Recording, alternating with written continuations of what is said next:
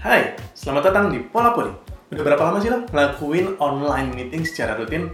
4 bulan, 5 bulan? Oke, karena ini Agustus, kita anggaplah 5 bulan ya. Apa aja yang udah lo lakuin ketika lo ngerasain rutin online meeting? Enak sih, lo nggak harus capek-capek di jalan, lo nggak harus ngeluarin ongkos buat transportasi, lo nggak harus ngerasain macetnya di jalan. Tapi, ada beberapa hal yang pasti lo rasain semua ketika lo mulai rutin menggunakan online meeting setiap harinya. Aplikasi apa aja? Zoom, eh, Google Meet, ke dalam WhatsApp call atau video call, Pasti lo semua ngerasain ini. Yang pertama adalah lo harus nyiapin devices. Wow, banyak. Lo harus nyiapin laptop, smartphone, atau uh, lighting, atau microphone yang proper buat lo meeting sama klien. Itu harus lo siapin semua. Wah, ribet.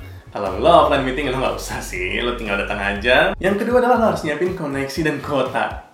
Hmm, asal lo tau nih, satu jam aja lo lakuin online meeting, itu kurang lebih kayak makan kuota 2-3 GB.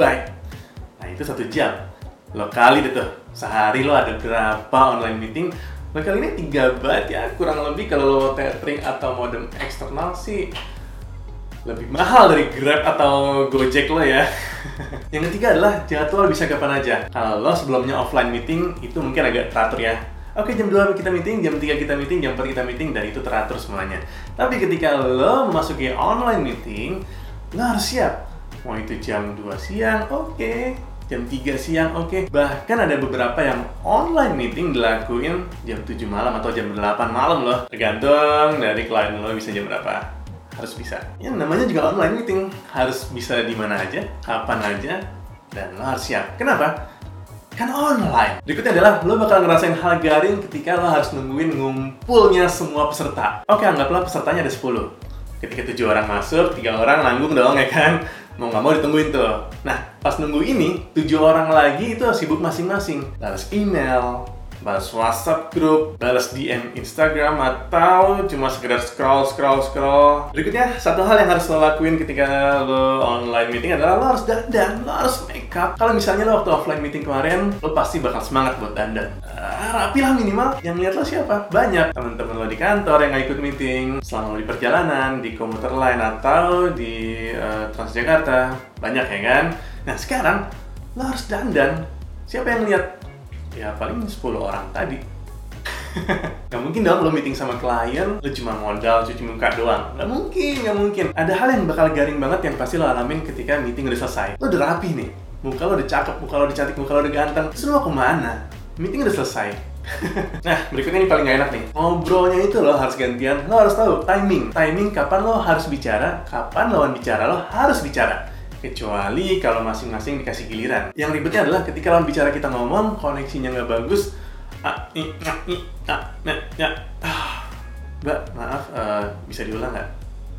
Enak ya. Dan giliran pas kita ngomong pun, belum tentu semua peserta bakal dengar kita. Ada yang sibuk masing-masing. Nah, ini prinsip dasar banget kalau kita mau online meeting berupa video call. Ini dasar banget. Ode etiknya adalah, kalau menurut gue nih, lo harus nunjukin muka lo. Lo harus aktifin kamera lo. Nggak bisa, lo nggak bisa nggak aktifin kamera lo. Kenapa? Namanya aja ada video call. Syaratnya adalah ada visual, ada audio. Makanya namanya video. Muka lo tunjukin. Lo pernah nggak sih ikut uh, seminar atau workshop dalam skala besar? Lo bayangin lo ada di stage as a speaker. Lo ngomong di depan, tapi audiens lo di depan pakai topeng upin ipin atau pakai helm full face. Aneh kan? Nah itu ketika orang video call atau lo meeting online, lo harus nunjukin muka lo. Kenapa? Karena lawan bicara lo pengen lihat ekspresi lo. Lo denger apa enggak? Lo fokus apa enggak? Oke, Oke tunjukin. Nah yang berikutnya agak nyambung. Ketika lo nunjukin muka lo di online meeting, semua mata bakal tertuju pada lo. Ya kayak putri Indonesia gitu. Kenapa? Karena di online meeting lo bakal dengan mudah dilihat sama semua peserta. Ya mereka gampang aja buat ngepin video lo. Oke, okay, oh ini si ini, ini si ini. Dan kita nggak tahu kalau muka kita lagi di laptop mereka. Makanya jangan sampai lo ngelakuin hal aneh ketika lo online meeting. Karena bisa aja video lo yang lagi dipin sama mayoritas peserta itu. Dan terakhir adalah lo sadar nggak sih ketika menjelang selesai online meeting, itu rame-rame bakal ada momen say bye dan ketika mereka say bye, itu artinya mereka bakal close masing-masing window. Cari tanda silang di sebelah kiri. Ups, Kalau Windows sebelah kanan ya. Nah, tiga orang terakhir yang telat nyari tanda X buat nutup aplikasinya, itu bakal saling lihat-lihatan. Awkward nggak sih? Oke, okay? contohnya nih, tujuh orang say bye, bye, bye, bye, mereka close, close, close, close, tiga orang lagi telat nyari tanda X-nya. Oke, okay, mana nih? Uh, ketika mereka cari tanda X-nya itu, mereka bakal saling lihat-lihatan dong. Oke, okay, uh, kok dia juga telat ya? Um, iya mas, ya, uh, ya. Itu awkward. Makanya pesan gue nih, kalau menjelang online meeting selesai, lo harus siap-siap cari kursor lo, standby di tanda X. Jadi ketika semuanya pamit, say bye, lo tinggal klik. Oke, okay? segitu dulu video pola poli kali ini. Bye. Tanda X-nya mana ya?